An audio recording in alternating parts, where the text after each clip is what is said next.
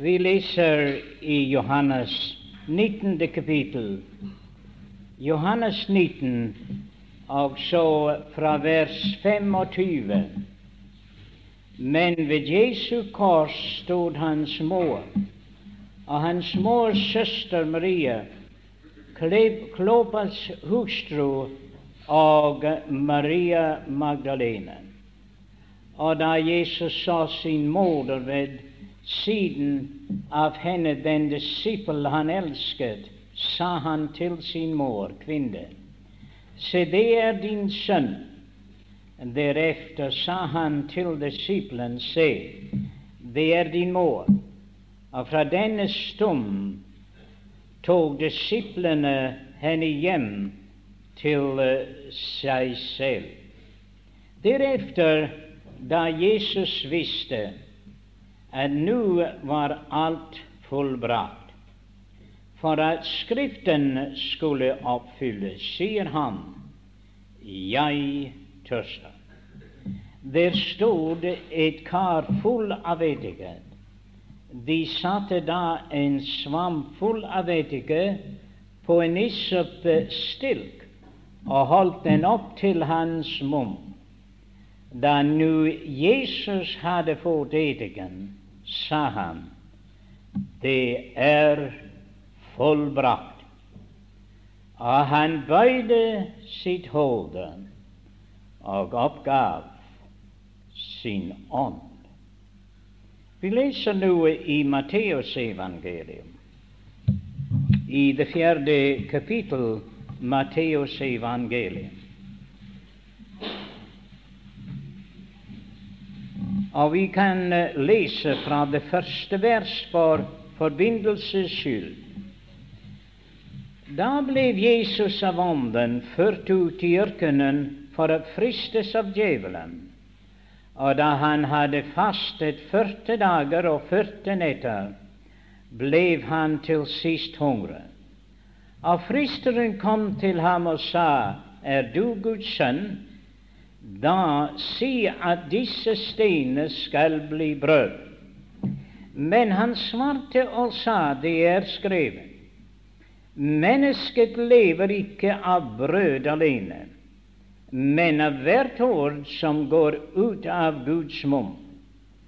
Da tok djevelen ham med seg til den hellige stad og stilte ham på tempelets tinde, og sa til ham, er du Guds sønn, da kast deg ned, for det er skrevet, han skal gi sine engler befaling om deg, og de skal bære deg på hendene, for at du ikke skal støtte din fot på noen stein. Jesus sa til ham, det er atter skrevet, du skal ikke friste Herren din Gud. Atter tok djevelen ham med opp på et meget høyt fjell og viste ham alle verdens riker og deres herlighet, og sa til ham, Alt dette vil jeg gi deg, hvis du vil falle ned og tilbede meg. Da sa Jesus til ham, Bort fra meg, Satan, for det er skrevet, Herren din Gud skal du tilbede, og ham alene skal du tjene. Da forlot djevelen ham, og se, engler kom til ham og tjente ham. Ennå et vers, et par vers fra Markus evangelium. Og du vil se det er i linje med dette som vår broder har nevnt. Det er Markus 6, og vi kan lese fra vers 45. Og straks nødde han sine disipler til å gå i båten og fare i forveien over til hin side, til Betsaida, mens han selv sendte folket av sted. Og da han skiltes fra dem, gikk han opp i fjellet for å bede. Og da det var blitt aften, var båten midt på sjøen, og han var alene på land. Og da han så at de var i nød, mens de rådde, for vinden var imot, kom han til dem ved den fjerde nattevakt, vandrende på sjøen, og han ville gå forbi dem, men da de så ham vandre på sjøen, trodde de at det var et spøkelse, og de skrev, for de så ham alle sammen og ble forferdet. Men han talte straks til dem og sa, Vær frimodige, det er meg, frykt ikke. Og han steg inn i båten til dem, og vinden la seg, og de ble ut av seg selv av forundring, for de hadde ikke forstand av det som var skjedd med brødrene, men deres hjerte var forferdet. Og da de hadde faret over, kom de til Genesarets land og la til der. Nå uh, må Herren så rikelig velsigne for oss lesningen av sitt dyrebare ord. Den Herre Jesus Kristus, han var selv den store predikant, den store mester. Ingen talte som denne mann. Alle var så glad for at høre den velsignede Herre og Frelser. Og mine venner, jeg syntes at det er velsignet å tenke på den Herre Jesu Kristi tjeneste. Det står 'Se min tjener' hos profeten Isaias. Og hvis du vil se Guds tjener, så må du lese Matteus og Markus og Lukas og Johannes. De alle sammen taler om ham. Matteus han taler om en konge, og Markus taler om en tjener. Lukas taler om menneskesønnen, Johannes taler om Guds sønn. Men det er jo den samme person den samme velsignede Jesus som vi elsker. Og han talte mange ord. Jeg elsker å tenke på disse fire store taler som han holdt. Den ene er bjergprediken, og en veldig tale angående de prinsipper hvorigjennom han skal styre sitt rike. Og så er det hemmelighetene om himlenes rike som du finner i de syv liknelser i Matteus 13. Men så giver han oss en eh, profetisk tale, for Herren han talte også profetisk. Og han taler om himlenes rike, hvordan den skal se ut, og hva vil skje når menneskesønnen kommer. De er tre veldige store og herlige og lærdomsrike taler. Og så er det den tale som jeg kanskje holder mest av. Og det er den taler du finner i Johannes evangelium fra det trettende kapittel, og da slutter han med bønn i det syttende kapittel. Det var en tale for sine egne, sine kjære barn, der i det værelset, like før han gikk til korset. Og noen av de mest underfulle sannheter for Guds menighet er nevnt i disse kapitler. Og vi er alle sammen glad for dem. Og så kommer vi til å tenke på de enkelte ord som Herren talte. Og det er ikke noe under Johannes sa om alle de ting som her, de tegn som Herren gjorde, skulle bli oppskrevet. Ja, da ville det ta megen plass. Om alle, alle de gjerninger som han gjorde, om de var oppskrevet, så mente Johannes at verden selv kunne ikke romme de ting der kunne skrives.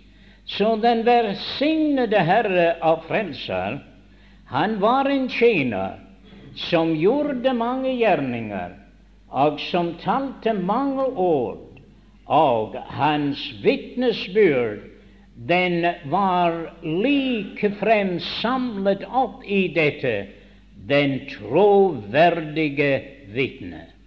Han var kommet for å fortelle oss om Faderen, at åpenbare Faderen for våre hjerter, og gjennom hans liv og gjennom hans tale og gjennom hans gjerninger han åpenbaret Faderen for de som var rundt omkring ham. Men jeg finner også der er andre små ord, eh, spredte ord her og der, som den Herre Jesus Kristus tante, som er veldig lærdomsrik, og som er full av undervisning for oss alle sammen.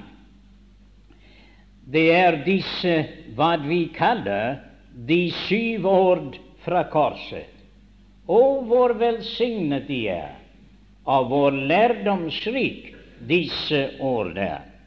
Og jeg har vært meget opptatt i det senere tid med de syv brever som er sendt til menighetene i, i uh, Lilleasien.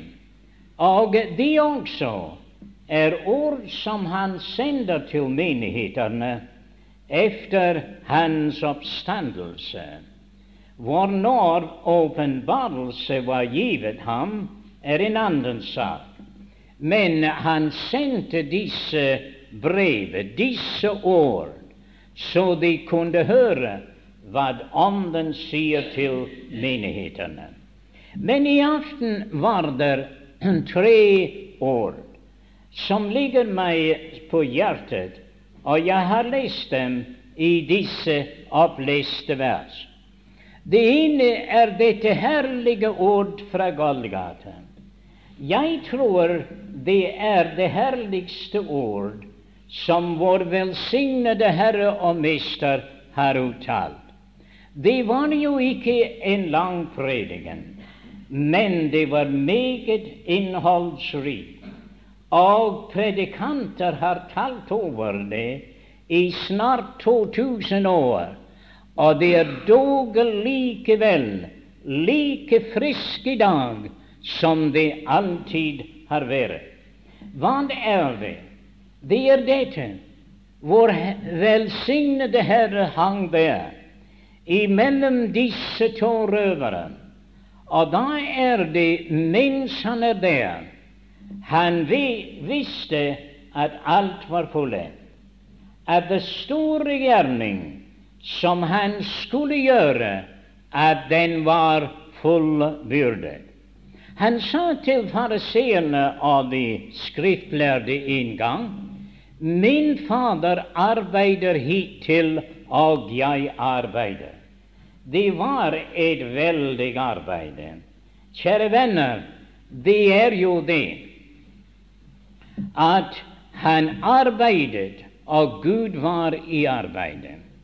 Jeg talte en gang med en adventist han stå, spurte meg hva for en hellig dag jeg holdt.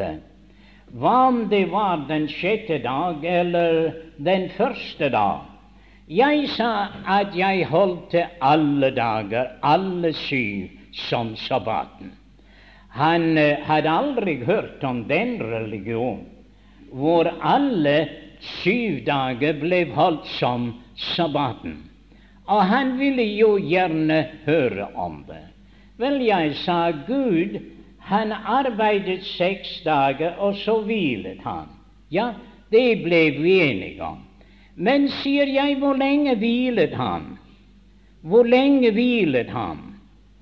Ja, det var jo ikke så lett å uh, si, for det stod bare at han arbeidet seks dager, så hvilet han. Men hvor lenge den hvile varet, det står ikke noe om. Men jeg antager at han hvilte inntil synden var kommet inn. For det første ting vi finner at Gud gjør, han drepte et dyr og gjorde skinnkåper for Adam og Eva. Han var begynt å arbeide igjen. Men jeg sa Jesus sier, min Fader har arbeidet hittil. Faderen hadde holdt på å arbeide i alle disse mange århundrer. Gud arbeidet, Gud arbeidet, Gud arbeidet. Og når Jesus kom, han arbeidet. Men det var jo ikke bare de seks dager han arbeidet. Han arbeidet også den syvende dag. For de fleste av hans store gjerninger var gjort på sabbaten, den jødiske sabbaten. Og det var til stor forargelse for disse skriftlærde så de ville tale ham til rette at dette kunne ikke være riktig. Han sier, 'Min Fader arbeider hittil, og jeg arbeider.' Første dag, anden, tredje, fjerde, femte, sjette og syvende dag. Han arbeidet alle dager. Ti. Guds store gjerning var ikke fullendt. Men jeg sa på korset, sa han noe. Han sa det er fullendt. Det er fullbrakt. Og da holdt de opp et arbeid. Og han for opp til himmelen, og han satte seg. Han satte seg ved Guds høyre hånd. Tigerningen min venn, var fullendt, og derfor sa jeg til ham, ordet er sabbaten er hvile, og jeg hviler i Kristi fullbrakte verk.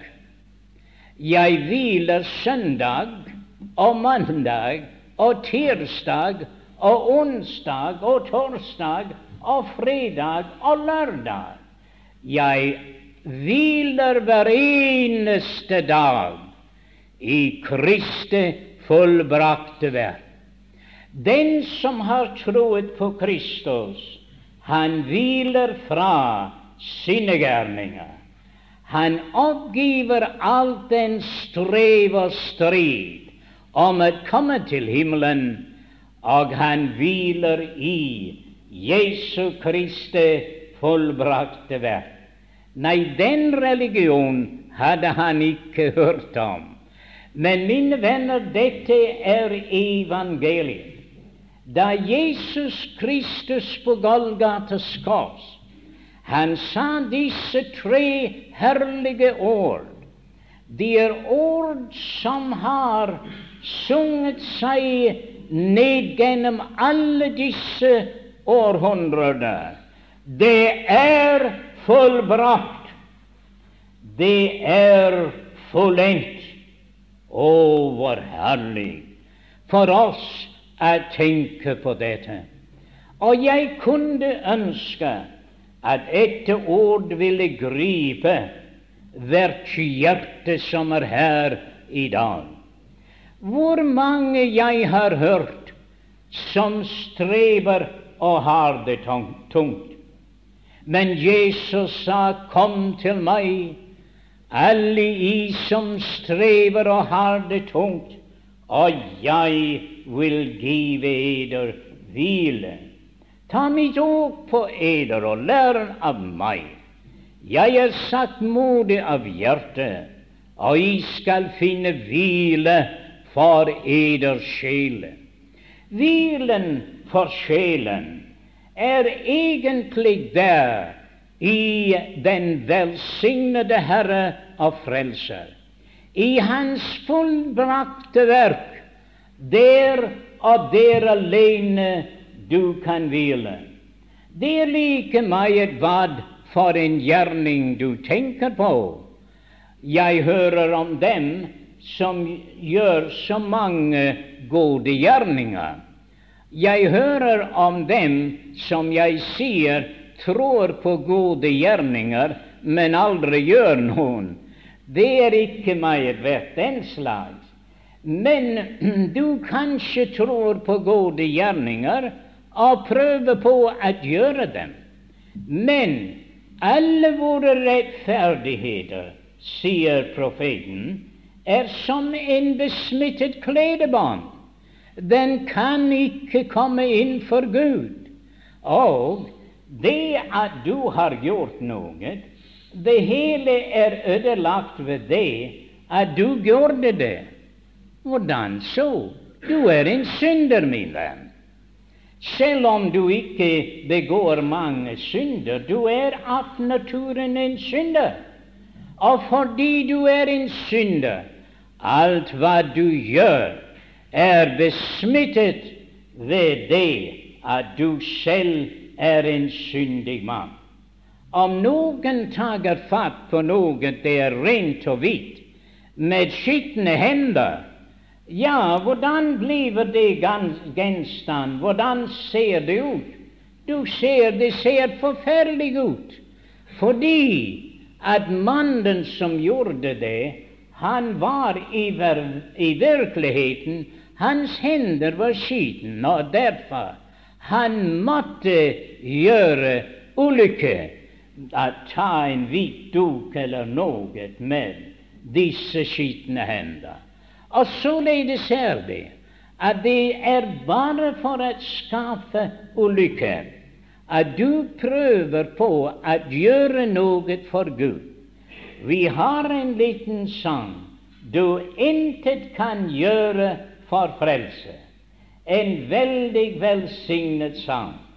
Og jeg skulle ønske at om intet er oppnådd i aften, min venn, at du vil forstå dette. Alle sier 'Hva skal jeg gjøre?' Hva skal jeg gjøre? Venn, du er kommet 2000 år for sent.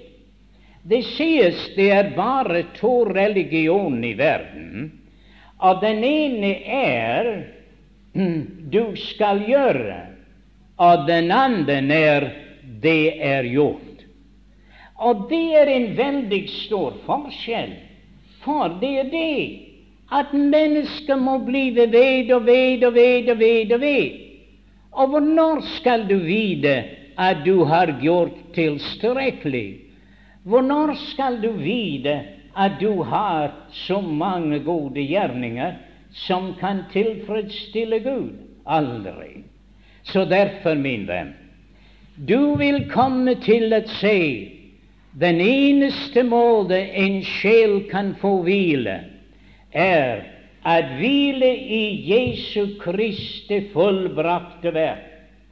For da Han sa det er fullbrakt, det er her, det herlige evangelium. Hva var fullbrakt?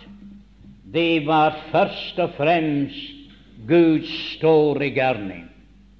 Gud, han var ut for å gjøre en gjerning. Den gjerning han arbeidet på fra begynnelsen. Han arbeidet hittil, inntil Golgata. Men da var det at den store frelsesgjerning, den var fullendt. Det var det som Guds rettferdighet forlangte. Hans nåde hadde anskaffet. Og der på Golgatas kors den herlige gjerning ble gjort den største gærning som er Guds mesterstykke, forsoningen. Og Guds hjerte ble tilfredsstillet.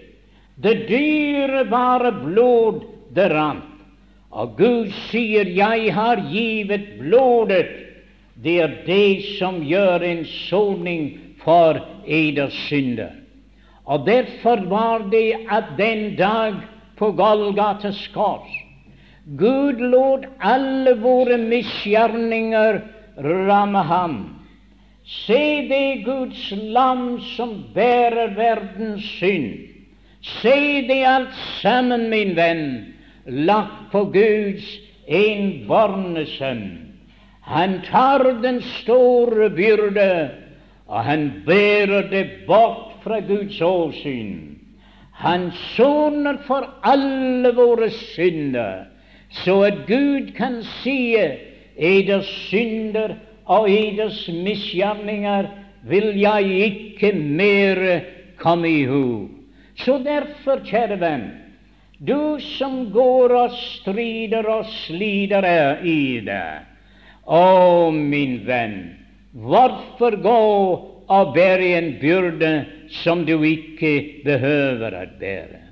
Han bar våre synder på sitt legeme på korset, og han bar den bort fra Guds åsyn. Han gjorde den store forsoningsgjerning, så at det ikke var noe tilbake, ikke noe det var glemt. Det var fullkomment. Det var perfekt. Det var ikke en eneste ting der manglet. Jeg hadde en kamerat, og han var kunstmaler. Men han holdt av at jeg fikk se på hans malerier. Og så en dag da jeg så på dem og kritiserte dem, jeg synes at han manglet en lille strek. Så tok jeg penselen, så skulle jeg liksom gjøre som om jeg ville lage en lille strek. Nå, hva vil du? Du hold hånden derfra. Når jeg er ferdig med det, så kan du ingenting gjøre. Ja, han kunne vurdere meg som en maler, en kunstmaler, for jeg kan nok male eh, en vegg, men at male et bilde, det er noe helt annet. Men kjære venner, det var dette. Hadde jeg lagt hånd på det, hadde jeg ødelagt det hele. Men det er dette. Når Gud gjør en fullkommen verk, hva skal du så gjøre? Er det noe for du, deg å gjøre? Du behøver ikke legge en bønn til, min venn. Du behøver ikke legge et ord til. Du behøver ikke gjøre en gærning til. Det er fullbrakt. Det er intet å gjøre. Det er alt sammen fullstendig ferdig, og du vil ødelegge det hele om du prøver på å blande noe av ditt med det. Jo, sier det, Gud har gjort sitt, og du må gjøre ditt. Gud har gjort alt, og det er intet for deg å gjøre. Og det er dette det er ulykke mange steder, i Norge så vel som andre steder, at de vil blande menneskets gjerninger med Guds gjerning. De kan ikke stå ved siden av hverandre. Jeg er frelst av nåde, uforskyldt av nåde. Gud gjorde det alt sammen, og jeg kunne ikke legge noe til. Jeg tok imot det fullkomne verk fra Guds velsignede hånd. Han frelste meg av nåde, så at det er gjort. En dame hun fortalte meg hvor god hun var, og så mange ting hun hadde gjort. Og så var hun ved å prøve på å overbevise meg at hun var en god kristen. Men jeg bare rystet på hodet. Og hun var litt forarget over dette. Hva mener du? Du kommer ikke inn, sa jeg. Hva? Hva? Du kommer ikke inn. Hvorfor sier du det? Jeg har lyttet inn til sangen i himmelen, og sangen i himmelen er verdig er lammet. Om du kom inn der, du vil synge verdig er jeg, men du kommer ikke der. Nei. Ingen kommer der på grunn av sin egen verdighet. Alle som kommer der, de kommer grunnet på Kristi verdi. Så, kjære venn, er det ikke trøstende for oss at Gud forlanger ikke noe fra oss? At Han ikke ønsker at vi skal prøve på å gjøre noe som vi ikke kan gjøre? Han selv gjorde det alt sammen fordi han visste vi ikke kunne gjøre det. Og Jesus sa på Golgates kors det er fullbrakt. Er du villig til å stå der? Er du villig til å bekjenne at du intet har gjort eller kan gjøre? Min venn, i aften kom til Golgates kors. Hør dette ord, og da skal du lære det er fullbrakt. Jeg er en gammel venn i Skottland. Og der hvor vi hadde telt og forkynte evangeliet, han somme tider kom på besøk. En deilig, gammel broder var han. Han var forlandet og talte den riktige skotske mål der.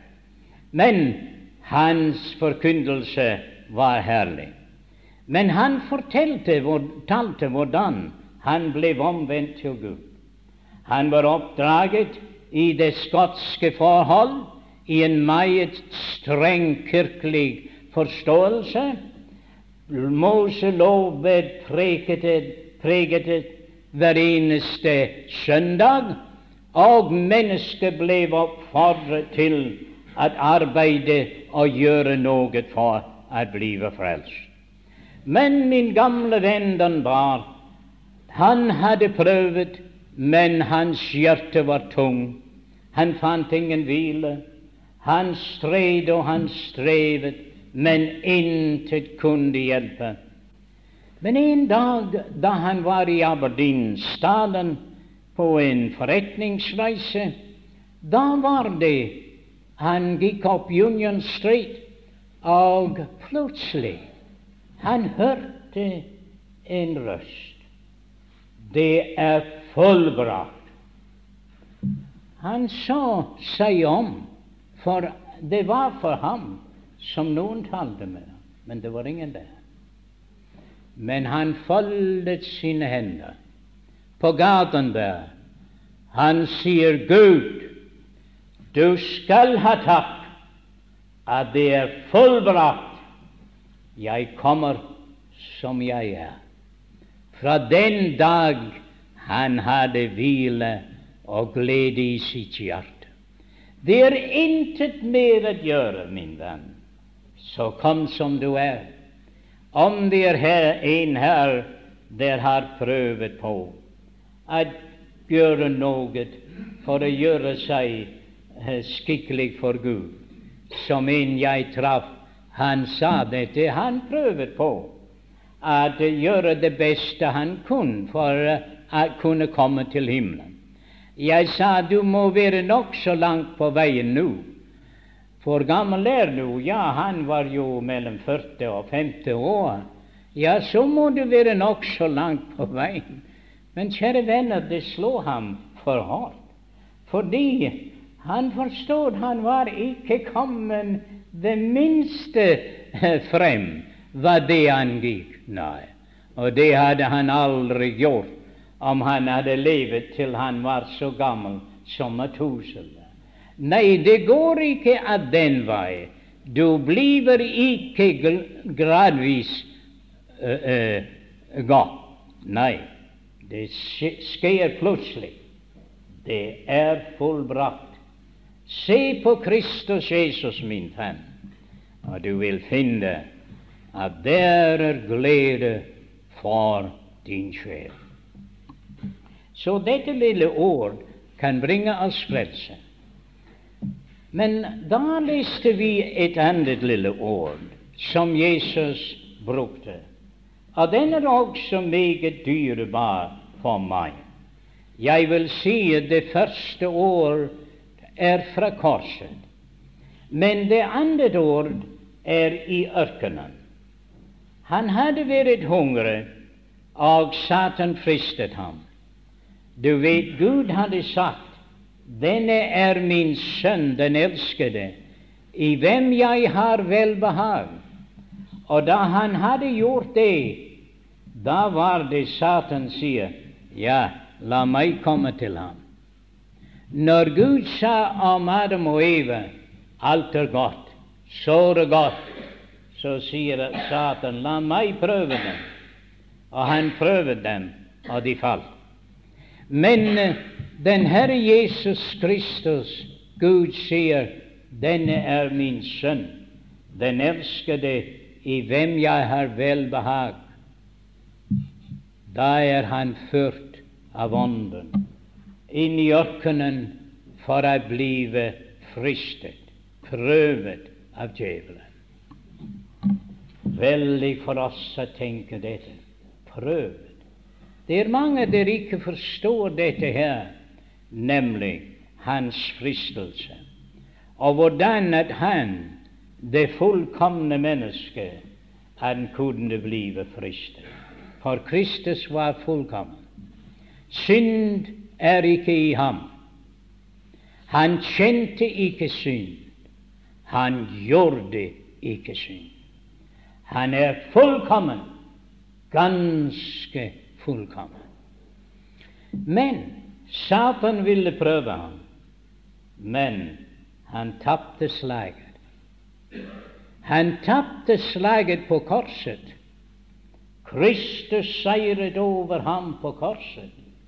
Men han tapte slaget i ørkenen også, for Kristus seiret over ham i ørkenen. Han tapte slaget med disse ord det er fullbrakt. Men i ørkenen han tapte slaget med de ord det er skrevet. Det syntes meg at det er to ting som jeg er glad for, og jeg hviler på for min frelse. Jeg var invitert til å tale et sted. De kjente meg ikke. Og de tenkte nå hva slags predikant er den der? Hva slags budskap har han? De var ikke riktig sikre på meg. Men under talen jeg sa noen de hviler på én ting for frelsen. Men jeg hviler på to ting. Jeg så noen av de gamle menn. Den ene kikket til den andre og sa Nå, nå går han i grøften. Dette her er ikke efter vår lære. Men jeg sa den ene ting som jeg hviler på, er Kristi fullbrakte verk. Ja, ja, så nikket de. Dette var ålreit. Og det andre som jeg hviler på, er hva Gud har sagt. Det er fullbrakt, og det er skrevet. Dette har jeg skrevet til dere, I som tror på Guds Sønns navn, for at de skulle vite at de har evig liv. Gjerning er fullbrakt. Og Gud sier at den som hviler på Kristi fullbrakte gjerning, at han har det evige liv. Han er gått over fra døden til liv. Så jeg har to ting jeg hviler på. Jeg står på to ben. Det er lettere enn å stå på den ene. Så venn, stå på hva Gud har gjort i Kristus på Golgata, og hva Gud har sagt i sitt ord. Den Herre Jesus lærte oss det er den eneste måte å seire over djevelen. Guds ord er Åndens sverd, ikke ditt sverd. Husk på dette. Du skal ikke bruke bibelverset, slå den ene og den andre ned. Det er jo en farlig øvelse, den der. Men Guds ord er Åndens sverd. Og Guds ord, mine venner, er skarpere enn noen tveegget sverd. Det kan gjøre undergjerninger, og det var intet der kunne beseire Satan enn Guds ord. Så husk på dette. Det er noen der taler om at ordet kunne forkynnes med kraft. Ja, men ordet er kraft i seg selv. Glem ikke dette. I ordet er Guds kraft til frelse. Så Jesus, han brukte ordet. Det er skrevet. For det første, han hadde gjort seg bekjent med Bibelen. Og det morsomme av det er at han siterte alle disse tre skriftsteder fra et, um, de, den del av ordet som er minst lest. Jeg kunne tenke meg at femte Mosebok, det er ikke så mange der leser den. Men Jesus kunne den utenat, og derfor visste han nøyaktig teksten, og han sier det er skrevet. Du vet, mennesket han består av legeme, sjel og ånd. Du har et legeme, du har en sjel, du har en ånd.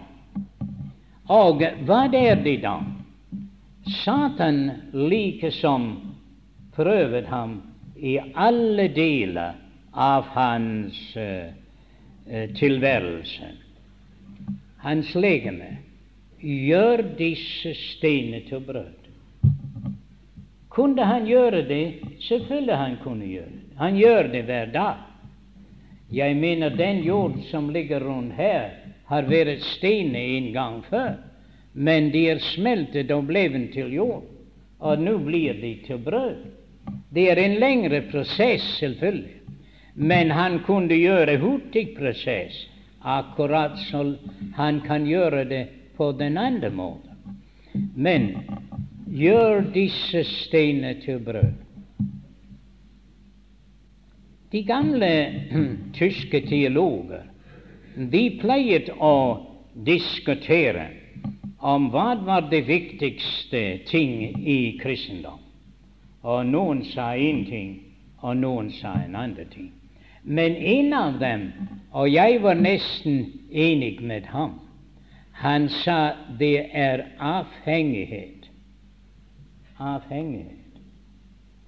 Det er den største bevis på at Guds ord har rett. For alle mennesker er gjort avhengig av Gud. Dyrene, alt er avhengig av Gud. Og her var Jesus hungrig for 40 dager. Men han var her som et menneske, og derfor han kunne ikke gjøre noe av seg selv. Så? Om han hadde gjort brød, steiner til brød. Han hadde brutt igjennom det han hadde lovet, at gå igjennom verden i full avhengighet av Faderen. Og så han gikk ikke efter Satans ord, men han sa det er skrevet man skal ikke leve av brød alene, men hvert åt der går ut av Guds munn. Han prøvde ham også i uh, hans uh, og han sier til ham Ja, du kan jo Du kan jo uh, likefrem falle ned fra tempelets stinne, og så vil de alle tro på deg. Men det står at han vil give sine engler befaling om deg. Ja, ja. Du kan bli en stor mann, og du kan bli vel mottatt. Men han sier dette at uh, du skal ikke friste Herren din Gud.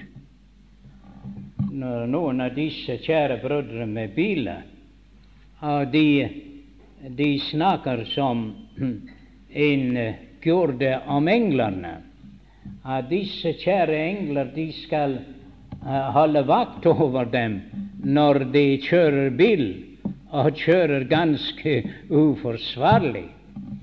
Og denne predikant var med en av disse kjære brødre, og han kjørte forferdelig hardt.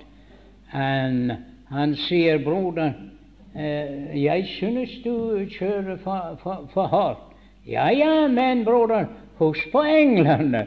Og englene, sier han, dem tapte vi for mange kilometer tilbake på veien. Nei, de kunne ikke holde tritt med oss.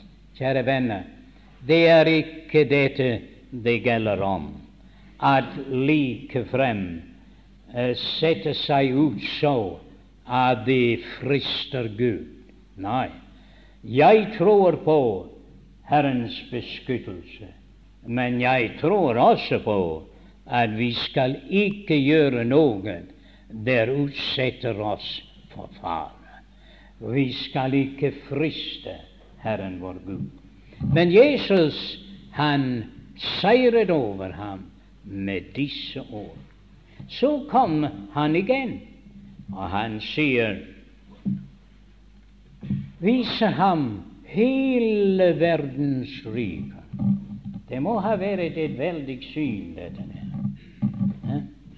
Han visste ham verdens rike i et øyeblikk. Og han sa alt dette skal du få om du bare faller ned og tilbeder meg. Bare én gang. Du, det står skrevet Gud skal du tilbede, og ham alene skal du tjene. Kan du se? Den Herre Jesu Kristi liv, den var fullstendig ordnet efter en bestemt linje eller regel. Hva var det? Det står skrevet. Det er dette der mangles iblant de troende i dag. Det er fullbrakt. Min frelse er sikret. Men hvordan skal jeg ordne mitt liv? Det står skrevet. Om mitt liv er ordnet efter dette, ja, da ville det blive Gud til velbehag. Om ditt hjem er ordnet efter dette, det står skrevet, så vil alt være vel. Og om din forsamling er ordnet efter dette, det står skrevet, da vil alt være vel. Men istedenfor det, det hele går efter menneskets skjønne tanker. Men Herren lærte oss at om vi kommer til denne bok, vi skal lære det alt sammen. Det står skrevet. Og hvor annerledes livet ville være om alle Guds barn vil ta det som livets regel. Det står skrevet. Så for min frelse jeg har dette. Det er fullbrakt. For mitt livs regler og vandler. Jeg har dette. Det står skrevet. Og jeg søker å ordne meg inn efter denne bok. For vet du den bok dømmer meg. Hvis den ikke dømte meg, så vil jeg ikke tro det var Bibelen. Men fordi at den dømmer meg, den rettesetter meg, den viser meg den rette vei, så vet jeg at det er Guds ord, og hvor herlig det er jeg kunne se det står skrevet. I de gamle dager de kalte våre brødre i Skottland for kapittel- og versmenn.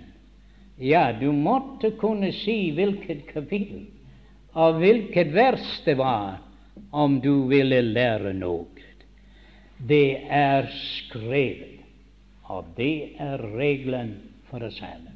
Men jeg var redd da vår broder leste om dette her på sjøen, at han skulle løpe bort med teksten. For det var jo nettopp dette lille ord som står der. Det er jeg. Det er jeg. For øyeblikket var det så at disiplene Herren hadde sagt far over til den andre side. Ja, le merke til han sa far ikke ut midt på sjøen og så drukne det. Nei, han sa far over til den andre side. Og når Herren befaler oss på vår reise, han forteller oss at det er å føre hjem. Hjem til den himmelske herlighet. Vi skal komme trygt til den andre side. Så derfor vi burde ikke frykte og ikke være i tvil om vi skal nå frem eller ikke. For han har ordnet reisen. Og det er på hans befaling at vi reiser. Så han må se til at han fører oss frem og fører oss hjem. Men han var ikke med dem i båten. Det står han var alene på land, og det synes jeg er et veldig bilde. Her er Guds menighet, og de er i båten i dag. Og jeg skal love for det er ikke en lett sak å være en virkelig avgjort kristen i dag. For bølgene går høyt, og vinden den blåser hardt, og det er mange, mange ting som likefrem gjør fortred. Og disse kjære venner, de var fylt med frykt. Verdens store menn de frykter, men endog Guds barn frykter. Og jeg tror det har aldri vært så meget frykt i menneskers hjerter som det er i dag. Menneskers hjerter, de bever av frykt. Men Herren var på land, og han var i bønn. Han var oppe på fjellet der, og han var i bønn. Og det var det vi sa i morges at vi har en stor ypperste prest der går i forbønn for oss. Hvor er vår velsignede Herre og Mester? Han er der oppe, alene på land. Den menighet han kjøpte med sitt blod, er i båten, på reisen over sjøen, men han selv er alene i land. Men han går i forbønn for oss. De kunne si nå, nå har han glemt oss. Nå farer vi fullstendig, ja, vi farer til bunns. Men han hadde ikke glemt dem. Og det gikk den ene vakt, og den gikk den andre vakt, og den gikk den tredje vakt. Nå sier det, er det fullstendig ute med oss. Det så så mørkt ut. Men da kom han. Da kom han. Og hvor var han? Han var ovenpå det hele. Ja, den storm som de var redd for, og den hav de ventet å komme over dem Herren, han gikk på. Det han var over alle omstendighetene. Og så var det at han kommer til dem. Han sier til dem, riktig. Det er meg. Kunne det være et budskap det vil glede dem mer enn dette? Det er meg. Og kjære venner, jeg begynte min vandring med disse ord. Det er fullbrakt. Og da fikk jeg hvile for min sjel. Jeg fortsetter igjennom livet, og hver dag står for meg det er skrevet. Og hvilken trøst, og hvilken hjelp og veiledning. Men nå er jeg kommet til den fjerde nattevakt. Og den fjerde nattevakt er trist og tung. Ja, man kunne lett falle i søvn om man ikke var så redd. Så sikkert falt man i søvn. Men kjære venner, det er nettopp i den fjerde nattevakt at vår Herre Jesus vil komme. Det er jo merkverdig at det står der i den sjette menighet i uh, disse uh, budskap uh, til de syv menigheter. Til Philadelphia det står Hold fast, jeg kommer snart. Kjære venner, det er også for oss. Det er et løfte. Han sa det er fullbrakt. Han sier til oss det er skrevet, og snart skal vi høre dette glade ord når han kommer for å hente sin egne. Herren selv skal komme, og han skal kalle oss opp for å møte ham i luften. Han skal si, frykt ikke, det er meg. Og da er reisen slutt. Da kom de til det sted de skulle til og kjære venner, det kan skje, ja, kanskje før natten er gått, at du hører dette ord. For Herren kan komme i natt så vel som noen annen tid. Hans komme er ganske nær. Så det er tre ord for oss alle sammen. Det er fullbrakt det bringer frelse. Det er skrevet, det bringer like frem mot og veiledning. Det er jeg. Det er oppfyllelsen av all vår lengsel. Vi ser ham som vår sjel elsker. Så må disse ord tale til våre hjerter i denne aftens stund. skal vi be. Fader, vi priser deg at du ikke overlot den store frelsesgærning til noen mennesker, og heller ikke til oss. Du gjennomførte det selv i din innbarne sønn, og takk for den forvissning som vi har fra hans egne ord. Det er fullbra. Takk for at du har vært hos oss hele veien, det er skrevet. Og hvor denne bok, Herre, har vært til stor oppmuntring og veiledning for oss. Men Herre, natten er mørk. Bølgene går høyt. Frykt fyller våre hjerter. Vi synes det er lenge, det varer lenge, og vi lenges efter at se deg. Vi lenges efter at reisen vil slutte i det herlige land. Herre, vi lenges efter at høre de ord det er meg.